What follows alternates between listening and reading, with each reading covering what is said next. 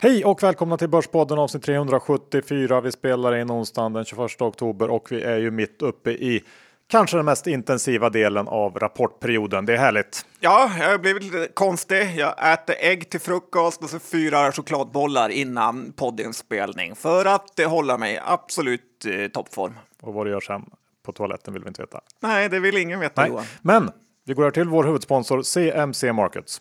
Ja, och det är ju så att eh, det är presidentval 3 november. Det är tjänstefel att inte ha ett konto på CMC där man kan eh, trada allt eh, som rör sig. Och som det rör sig får man ändå säga. Dessutom får man deras morgonbrev och deras veckobrev om man signar upp eh, sig som kund. Så att eh, inget att tveka på. Nej, och vi måste ju slå ett slag för deras erbjudande på den amerikanska marknaden där de har ja, kanske marknadens bästa villkor. Eh, 9 dollar i fast courtage både på ETFer och aktier eh, oavsett då vilken storlek man handlar och det är riktigt bra.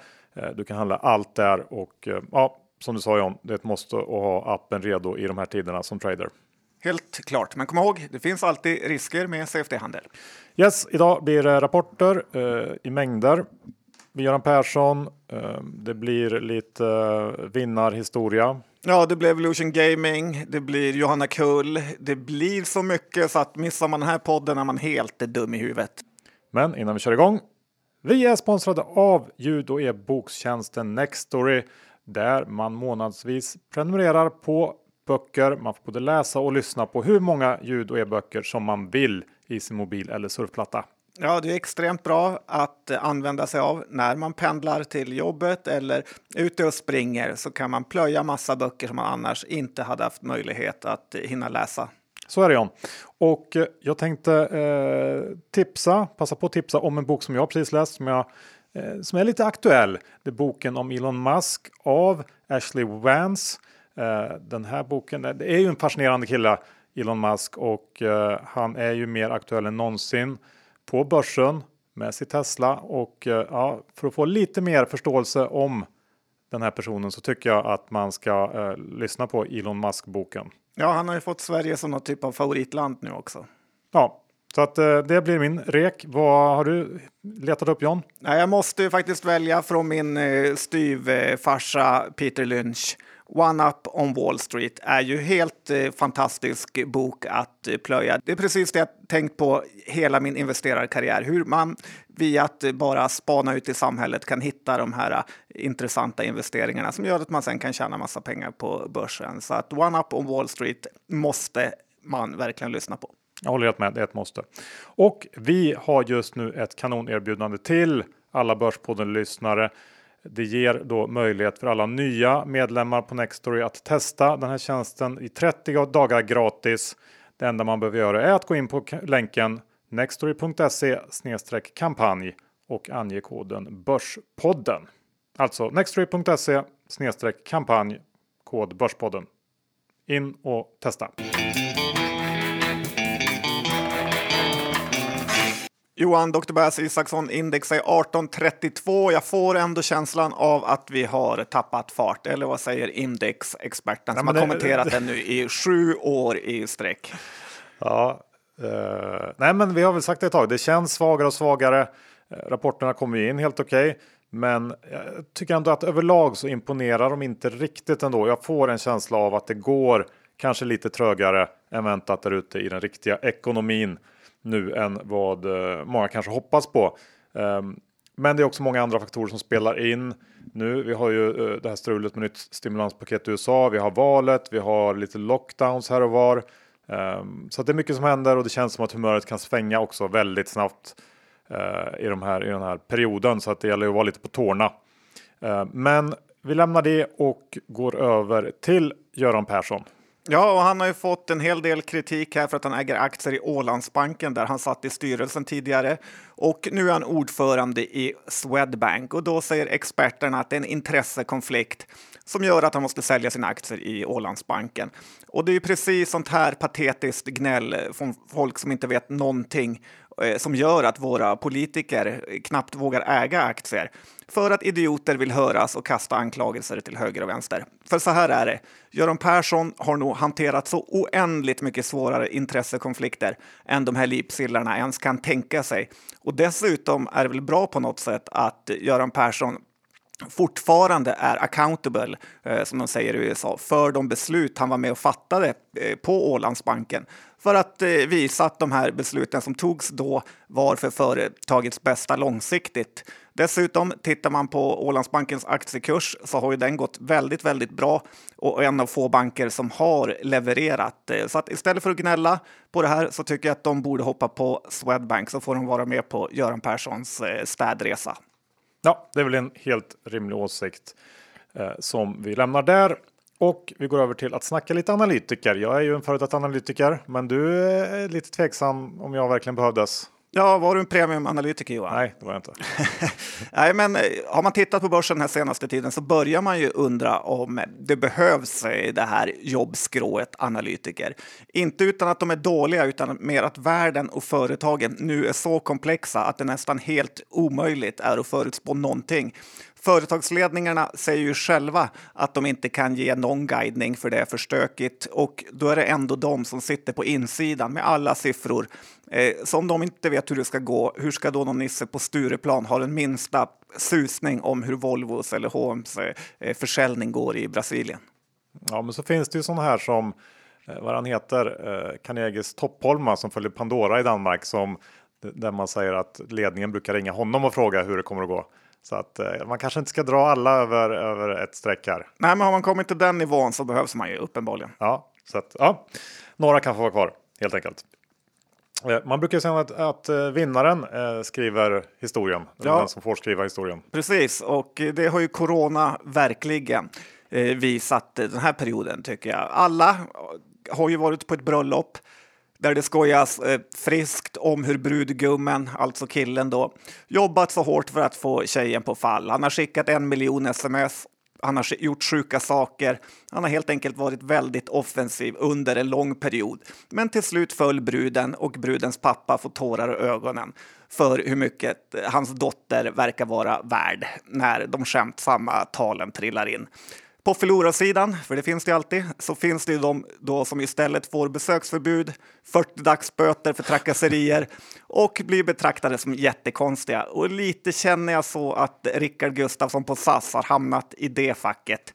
Hade han haft lite, lite mer tur med bransch, kanske slutat lite tidigare, så hade han varit en stjärn-vd nu. Men istället så får han förmodligen jobba dygnet runt utan att egentligen något hopp finns där ute. Och dessutom till en relativt låg lön. Så att jag tycker ändå vi ska skicka en liten tanke till alla förlorare där ute att det är mycket turen som avgör.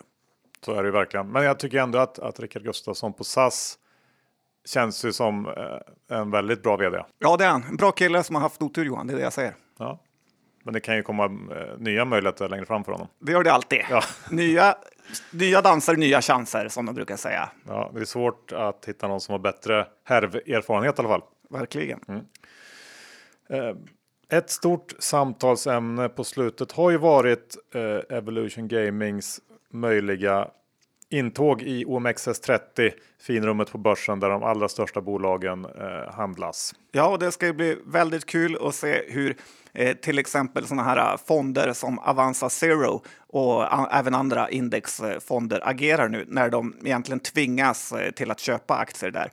Kanske direkt ett eh, problem för Avanzas nya hållbarhetsansvariga Johanna Kull eh, att försvara hur Avanza eh, Zero då, som ägs av ultragoda Avanza kan vräka pengar in i ett eh, spelbolag. Men gör de det då så kommer de ju vara en av de absolut största köparna av onda spelbolag.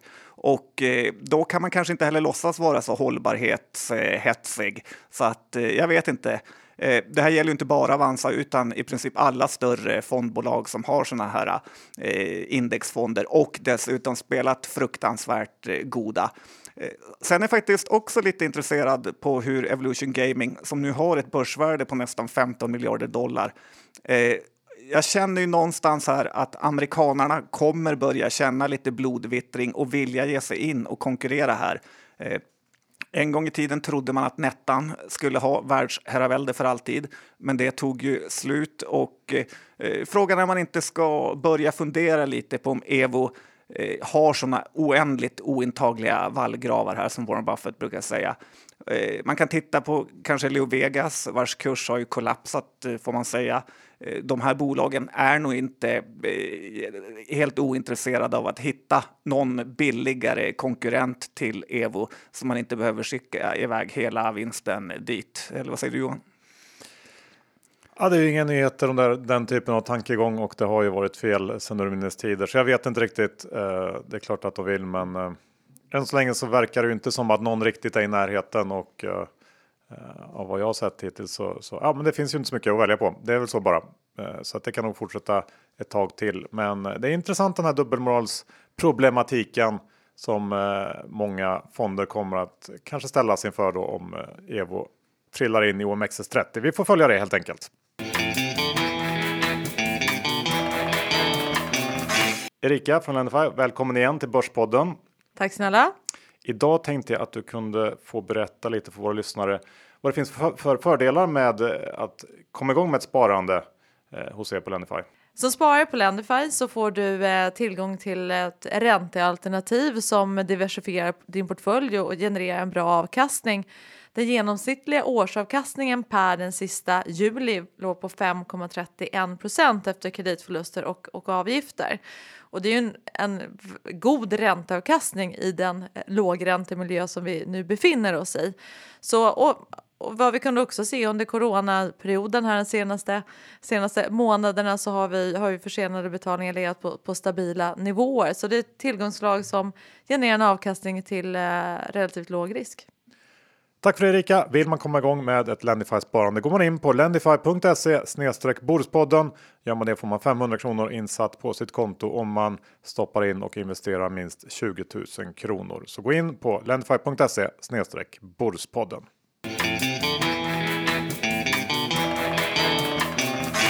Rapporter John, jag tänker att eh, jag river av ett eh, litet jobbigt plåster först. Vet du vad jag tänker på?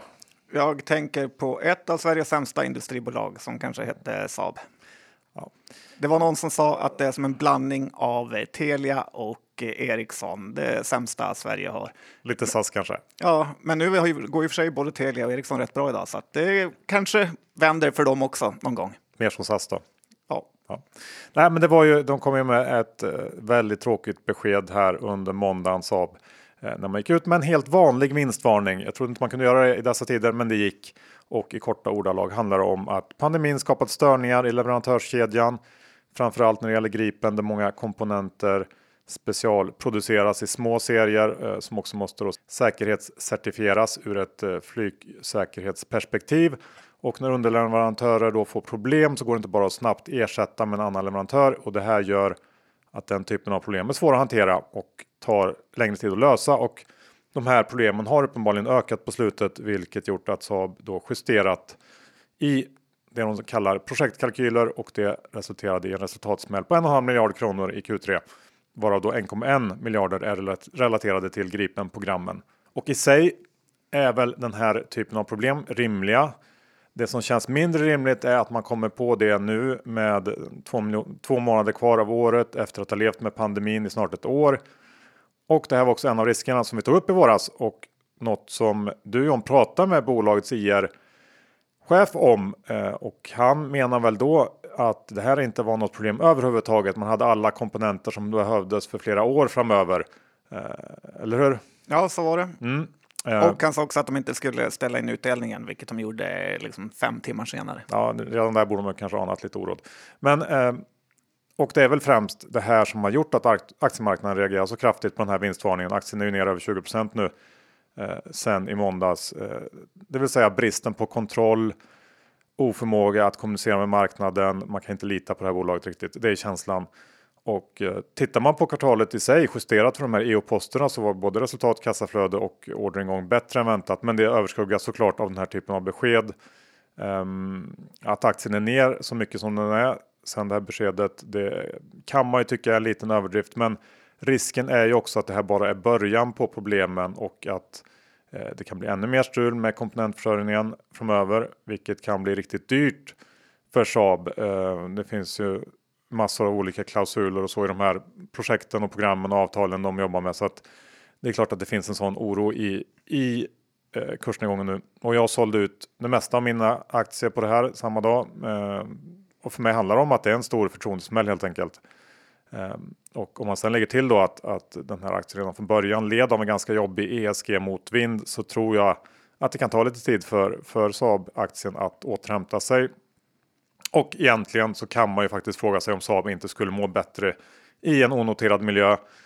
Investor som redan har 50% av rösterna skulle inte behöva lägga så väldigt mycket pengar för att få hela det här bolaget och det kanske är en lösning som egentligen alla Eh, i hela världen skulle vara nöjda med. Ja, det är ju så. ESG-trenden har även drabbat de amerikanska krigsbolagen som har fått lägre värdering. Men det är ju en skam hur dåligt eh, Saab är. Jag tycker däremot inte man ska se det här som ett kvartalsspel, utan levererar du Gripen under många, många år framöver så behöver man inte bryta ihop fullständigt för ett dåligt kvartal. Eh, tyvärr var jag också lång aktier och fick eh, smaka lite förlust där, men inte mer än rätt då jag ändå trodde på det här caset eh, hyfsat mycket. Mm, ja, men jag har kvar lite grann, men, men man skulle ju med oss till hand sålt allt. Som vanligt när det kommer sådana här besked så ska man ofta sälja allting direkt på kolen, även om det känns som att det gör ont. Då, så, så den har ju gått ner gick ner 5-6 i kolen och sen har det gått ner 15% till efter det. Så att, eh, det kan man ju alltid lära sig. Ja, det följer många reksänkningar efter som drar med sig ännu större säljflöden. Och som du säger, visst, eh, om det bara är ett kvartal så hade man absolut kunnat leva med det. Men det är ju det som är frågan lite grann. Eh, så att vi, vi får följa Saab. Det är mycket möjligt att det finns, kommer att finnas bra lägen i den här aktien också framöver. Eh, men vi lämnar Saab nu John och går över till en rapport som kommit in idag. Tänker att vi kan ta upp Byggmax som kom in nu på morgonen. Ja, men det är lite kul att prata om den, för det här är ju ett sånt bolag som lurar alla orutinerade på börsen som inte lärt sig det mest klassiska, att buy on rumor, sell on news. Det var ju väldigt diskonterat att Byggmax skulle prestera bra här i det här kvartalet och tittar man bara på resultatet så ser det ut som att de tjänar över 7 kronor eh, per aktie på nio månader och det är ju billigt när aktien bara står i 55. Eh, nu är den väl nere på 52, 53 här. Dessutom så ska de ju börja med utdelning här efter några år utan. Eh, jag tror att många blankare, typ Kiel, är inne nu och skaffar sig en kort position med vyn då att Byggmax aldrig kommer kunna leva upp till de här siffrorna på lång tid framöver och då återgå till att bli en eh, underpresterare, den eh, som de tidigare varit. Då. I vd-ordet så skriver också vdn att eh, 2021 blir nog starkt, men förmodligen inte lika starkt som 2020, så att där har de ju lite kött på benen. Jag tror själv ändå faktiskt att blankarna är lite för pessimistiska och eh, Byggmax var ju tidigare ett bolag som hade relativt hög värdering och eh, en sån här välfungerande bygghandelskedja borde ändå ha en framtid och behöver inte behöva ha sån här jättejättelåg värdering på ensiffriga P-tal kan jag tycka. Eh, men som sagt, det kommer ju bli... Det tråkiga är att man har vinterhalvåret framför sig här sen då direkt i Q2 får man de här jättetuffa jämförelsetalen. Så att eh, det är en liten tuff period. Även om man tittar på vinst per aktie så ser det billigt ut. Nej, men jag håller nog med dig ändå där. Ehm, det man kan säga är väl att det börjar bli extremt på något sätt väl analyserat och välkänt eh, det här att, att nästa år kommer att bli sämre eller antagligen i alla fall. Ehm, så att det, det, alla vet ju redan det. Ehm, Ehm, och tittar man på, på hur mycket de tjänar i år ändå så är det ju så fruktansvärt billigt. Även om det blir lite sämre nästa år så är det fortfarande billigt. Frågan är hur stor nedsidan egentligen är. Det är väl, um, ja, det, är väl det man funderar på om man har tänkt sig blanka den här. Jag känner ändå att den kanske inte är så stor uh, just nu. Nej, jag håller med. Mm. Så nästan luta mot lång Byggmax. Men du John, jag tänkte att vi går över till uh, de stora uh, verkstadsbolagen som har kommit här i, i början på veckan eller slutet på förra veckan.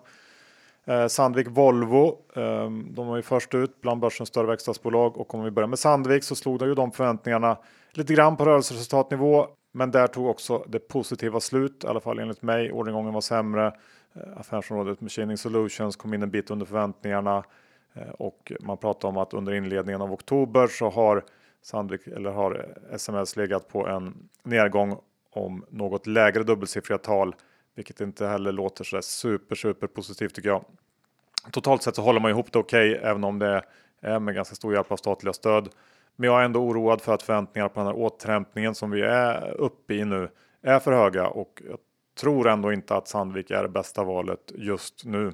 Nej, det är ju, man såg även att eh, Sandvik drog med sig SKF eh, först ner och sen upp, så att eh, det är lite nervöst i den där sektorn. Ja, och när det gäller Volvo så, så tycker jag den rapporten innehöll ändå fler positiva signaler. Resultatordningen var ju betydligt bättre än väntat. Och det är tydligt att efterfrågan på lastbilar verkligen har varit stark på slutet, delvis drivet av de här ökade transportbehoven som den allt större e-handeln för med sig som jag pratat om och eh, har sett och läst många som är lyriska kring Volvos kostnadskontroll här under Q3 och det är klart att det hänt grejer på den sidan inom Volvo men man ska väl ändå ha med sig att Volvo tagit emot enorma summor i statliga stöd. Måste ju vara bland de som har tagit emot mest på börsen. Och att man också får hjälp av en, en uppdämd efterfrågan under det här kvartalet och tittar man på de prognoser för lastbilsmarknaden eh, 2021 som Volvo gick ut med i samband med rapporten så ser det ju mindre muntert ut och eh, det var väl de här 2021 utsikterna som fick marknaden att vara lite försiktig med aktien eh, under rapporthandelsdagen där. Ehm, och tittar man då så, så eh, räknar Volvo med att efterfrågan globalt sett väntas vara mer eller mindre flat 2021 jämfört med 2020. Ehm, och även om, om Lundstedt hävdade att det är den bästa gissningen just nu så ska man nog som ägare hoppas på att den ändå har lowballat de estimaten för att eh, om de om de stämmer så ligger ju analytikernas prognoser för 2021 alldeles för högt. Och ehm, ja, det är just den här underliggande styrkan i ekonomin som jag tycker är ett litet orosmoln när man tittar egentligen på alla verkstadsrapporter som kommit in så här långt. Och att det finns en risk för att det kommer att se lite sämre ut igen eh, kommande kvartal när den här initiala eh, lageråterutbyggnaden eller det upp, uppdämda behovet som fanns har lagt sig. Eh, sen är Volvo fortfarande ganska lågt värderad har en jättenettokassa att luta sig mot. Eh, men lite samma sak här. Jag är tveksam till att Volvos aktie kommer att orka så där supermycket högre i närtid. Eh, känns inte som det. Nej, jag håller med. Lite oförstående till varför Anders Hägerstrand på det är så extremt håsad till Volvo och eh, pratar om kurser på 240 kronors eh, nivå. Eh, det känns ju verkligen som att deras bästa tid är nu. Ja, jag håller med. Vi går över till Avanza John. Det ska vi göra, för de levererade också en sån här kanonrapport och gick först upp eh, över 200-lappen här som vi faktiskt har i Sverige om någon nu har sett pengar. Det har väl du Johan som är Loomis eh, håsare. Eh, men man får nog faktiskt lägga in Avanza i det här Byggmax-plantagen Corona vinnarlägret. Eh, och det är nog så börsen också ser på det, för att det kommer bli svårt för Avanza att få en bättre av världar än de har haft de senaste ja, halvåret, året egentligen. Och eh, det finns också de som säger, hörde jag, att Avanzas optionsprogram gått ut och därför har många eh, som jobbar på Avanza då valt att casha hem de här aktierna de fått Eh, och det fick man göra eh, efter att rapporten eh, släppts. Och jag fick höra från en källa som sa att efter det senaste optionsprogrammet så har det dykt upp både en och två Teslor nere i parkeringsgaraget nere hos Avanza. Så att alla verkar inte lika, lika sparsugna som deras kunder. Och det kanske ändå inte är mer än rätt att börsen är lite hårdare mot Avanza nu tycker jag, för det är ju i princip världens högst värderade bank. Jag har ju länge slagit ett eh, slag för den mycket, mycket billigare amerikanska nätmäklaren Charles Schwab som äntligen faktiskt också har börjat röra på sig och handlas nu i eh, nästan 40 dollar. Så vill man gå över ån för lite billigare vatten så kan man eh, kolla in Charles Schwab och eh, eh Avanza på 200 känns lite väl. Ja, det gör det. Då tycker jag att vi istället tittar på eh, Vitec Ja, det är ju kanske det mest institutionella älskade lilla bolaget som finns där ute. Ja, det är också ett Umeåbolag. Det är väl kanske Sveriges svar på det här Constellation Software. Um, och Vitec jobbar ju med att köpa upp mogna nischade mjukvarubolag och det har varit en väldigt bra eh, idé och som aktieägare har man blivit väldigt eh, belönad Eh, aktien noterar faktiskt ett nytt all time high i samband med rapporten. Ehm, något oförtjänt kan jag tycka för Q3 var inte något att bli särskilt upphetsad över. De tappar 5% organiskt i omsättning. Resultatet kom in långt under de få prognoser som finns på marknaden eller fanns på marknaden. Och även om man förstår då att det här är ett bolag som marknaden gillar, det är mjukvara med en stor del av intäkterna som är återkommande, så är det svårt att tugga i sig den här värderingen. Börsvärdet som eh, ligger på ungefär 10 miljarder eh, och, och, för det så får man ett bolag då som gör eh, strax under 200 miljoner i ebit i år. Eh, så att man ska gilla återkommande intäkter väldigt, väldigt mycket eh, och dessutom lita på de här Umeå-gubbarnas förmåga att hitta nya förvärv för att köpa den värderingen. Nu har ju aktien kommit ner lite grann efter rapporten dagarna efter, eh, vilket ju ändå känns extremt rimligt. Kändes lite som ett hån där mot Umeå-gubbarna Johan. Det brukar inte vara sån. Nej, men jag känner en kille från Umeå och ja. Det räcker. Vi lämnar det där. Ska vi bara ta några ord om Hövding också som ju du pratat dig varm om sista tiden. De rapporterade igår. Ja, det gjorde de och eh, det var väl kanske lite av, i alla fall för mig, den här eh, rapportperiodens main event. Eh, och eh, jag tyckte rapporten var imponerande, eh, förutom just då eh, bruttomarginalen. De ökade sin försäljning med 150 procent i megamarknaden Tyskland växte med 90 procent. Danmark eh, gick bra. Jag blev lite förvånad att aktien gick ner på rapporten och besviken såklart. Men eh, den var ju lite uppspäckad får man ju säga sen dagen innan då Note hade varit ute och skrivit i sin rapport att eh, Hövding var en av deras kunder som ökat allra mest under året här. Och kanske började folk drömma lite för mycket. Jag tycker att det kanske varit lite överdrivet fokus på just bruttomarginalen här och eh, lönsamheten. För jag tror den kommer att eh, ordna sig. Det viktiga är ju att eh, Hövding har en produkt som lockar konsumenterna. Så, och har man det så har man faktiskt en hel värld som ligger, ligger öppen för en. Men det är såklart hög risk. Du har säkert något negativt att komma med Johan? Nej, men jag håller med om att i stora drag så, så var det ju som väntat då bra. Det känns som att den kom in ungefär som man kunde väntat sig kan jag tycka. Det var ju, hade varit konstigt om det inte hade varit en enorm tillväxt. Sen kan jag inte komma ifrån bruttomarginalen som du vill. Försöka sopa lite under mattan. Den sjunker från 27 till 24 procent om man tittar mot föregående Q3. Jag förstår inte hur man, det måste vara liksom, eh, man monterar de här för hand med, med liksom, eh, ja jag vet inte, små små verktyg och de tar jättelång tid att göra. Det är konstigt, går det inte att göra det här på ett snabbare och bättre sätt? Eh, det måste gå. Det är ju ändå någon typ av, av nyckel för att det här ska bli eh, riktigt bra känner jag, även om man närmar sig någon slags break-even nu. Ja, men jag håller med och det är ju också positivt att det eh, faktiskt borde gå att göra mycket billigare så att vi får se. Jag är fortfarande väldigt lång. Ja. Bra, ska vi gå över till det här skjuta upp satellitföretaget Ovzon? Ja, det tycker jag faktiskt. Att Kommer rapport här i morse. Jajebox. Vilket och... i och för sig kanske inte, en rapport där är väl inte eh, hela världen just nu för att de har inte fått upp sin satellit än. Är det du eller jag som ska få prata Johan? Ja, men säg då. Ja, och det här är ju ett av börsens mest eh, riskabla bolag eh, faktiskt. De säljer ju satellitbredband till typ eh, Kebnekaise fjällstation och bolaget är värt eh, 3 miljarder.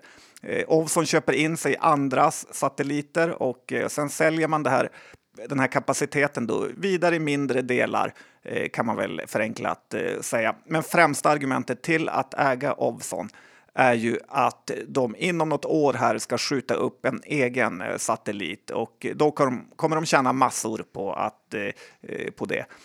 Dels har man ju sett det här med Succession, Johan, hur svårt det är med satelliter.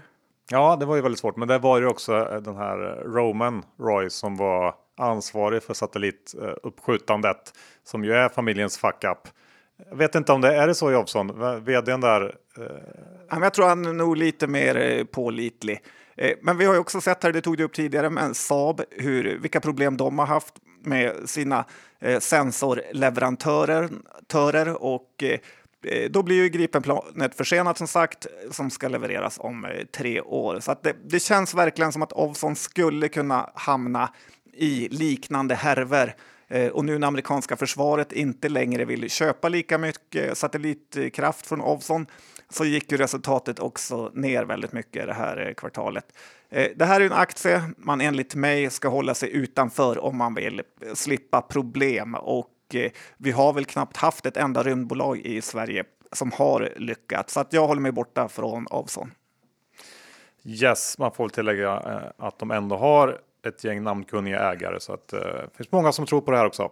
Ja, det vore ju kul om de lyckades, men det är inte en lätt bransch. Mm. Eh, ska vi ta Cloetta? Det är ju en aktie som gått riktigt uselt i år. Ja, och de har rapport imorgon torsdag. Det ska bli väldigt eh, spännande att se hur den går, för i princip varenda analytiker har köp på den här samtidigt som aktien inte riktigt vill lyfta. Eh, dels så är marknaden lite rädd eh, för den här underabsorbationen som det pratats om och snackades redan om i Q2. Men den är ju väldigt känd eh, så att man undrar hur mycket det påverkar.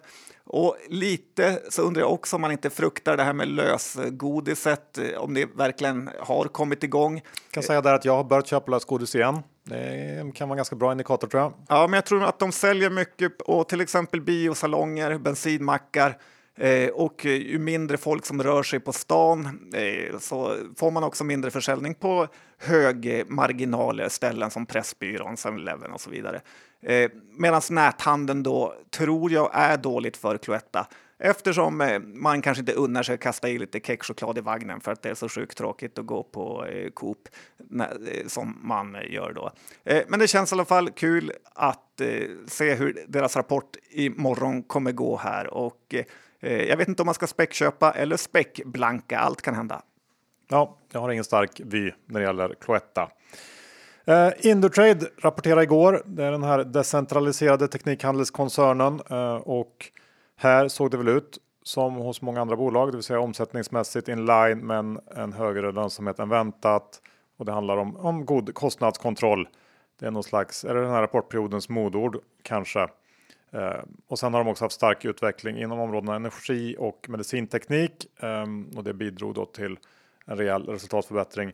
Orderingången minskar något och jag kan tycka att det var i, den, i det svaga slaget på den sidan. VDn Bo Anvik flaggar också för att kostnadsnivån kommer att öka i takt med att aktivitetsnivån tilltar och det här är ju ett lite intressant ämne eh, som vi kanske får återkomma till i, i kommande avsnitt. Men det känns som att det där när det gäller kostnader så finns det ju. Det kan ju vara en, en källa till oro för aktiemarknaden framöver. Men Indutrade i alla fall noterat nytt all time high igår, vände sen ner. Förstår inte riktigt vad den gjorde där uppe. Värderingen är väldigt, väldigt hög. Um, och det känns väl inte riktigt som marknaden delar min oro kring att det kan, uh, kan vara så att lönsamheten är konstlat hög på kort sikt här. Men det är en, en förvaltarfavorit um, och de brukar kunna vara högt värderade längre än vad man tror är möjligt. Men i, för mig är i alla fall Indutrade alldeles, alldeles för dyr. Uh, så är det. Ja, jag håller med och jag orkar inte ens tänka på det bolaget. Nej, då släpper vi det och går över till veckans sista bolag som är SAS. Ja, och efter idag ska jag aldrig mer någonsin prata om SAS, säger jag nu. Men eh, Eh, deras BTA1 har börjat handlas, alltså den som folk eh, har fått för sina teckningsrätter om man tecknade. Och den handlas i 1,13, alltså under teckningskursen på 1,16. Så att eh, det är många, excuse my French Johan, idioter som har köpt teckningsrätten och trott att man ska kunna då kunna sälja till aktiepriset när man får de här, men har inte tänkt på utspädningseffekten som nästan är tio gånger. Så att man kan nog säga att det är teckningsrätten som är det riktiga priset eller BTA då just nu. Och eh, det, man kan jämföra lite med huvudstaden A och C eh, så förstår man bättre. Och eh, att en SAS stamaktie idag, idag handlas i 2,20 kan man nästan bortse ifrån för den kommer kollapsa exakt samma dag som BTA blir aktier. Slut på avsnitt 374. Vi tackar vår huvudsponsor CMC Markets Ladda ner appen och kom igång med ett konto om ni inte redan har gjort det. Ja, det är en fantastisk app, så inget att tveka på. Ja, och Nextory, se till att eh, ta del av det här gratiserbjudandet. 30 dagar gratis. Gå in på nextory.se kampanj. Ange koden Börspodden och kom igång. Ja, lyssna på de böckerna vi rekommenderar för de är faktiskt bra. Ja, eller något helt annat. Det kan man också göra. Mm. Man har ju 30 dagar på sig. Ja, och Lendify.se Bordspodden. Det är koden om du vill komma igång med ett sparande på Lendify och få 500 kronor extra insatt om du stoppar in minst 20 000 kronor och investerar dem. Ja, cashen de dras och tas. Ja, och ges ut. Mm, ganska bra. va? Eh, innehav den här veckan. Jag har som sagt liten eh, slatt Saab kvar och i övrigt ingenting av det vi har pratat om. John, du har hövding. Eh, du har, har du något mer? Får jag prata för mig själv eller? Nej, men eh, helt rätt eh, av dig. Hövding. Jajamän. Ja. Bra, då tackar vi för att ni lyssnade. Hörs om en vecka igen. Hej då! Det gör vi. Hej då!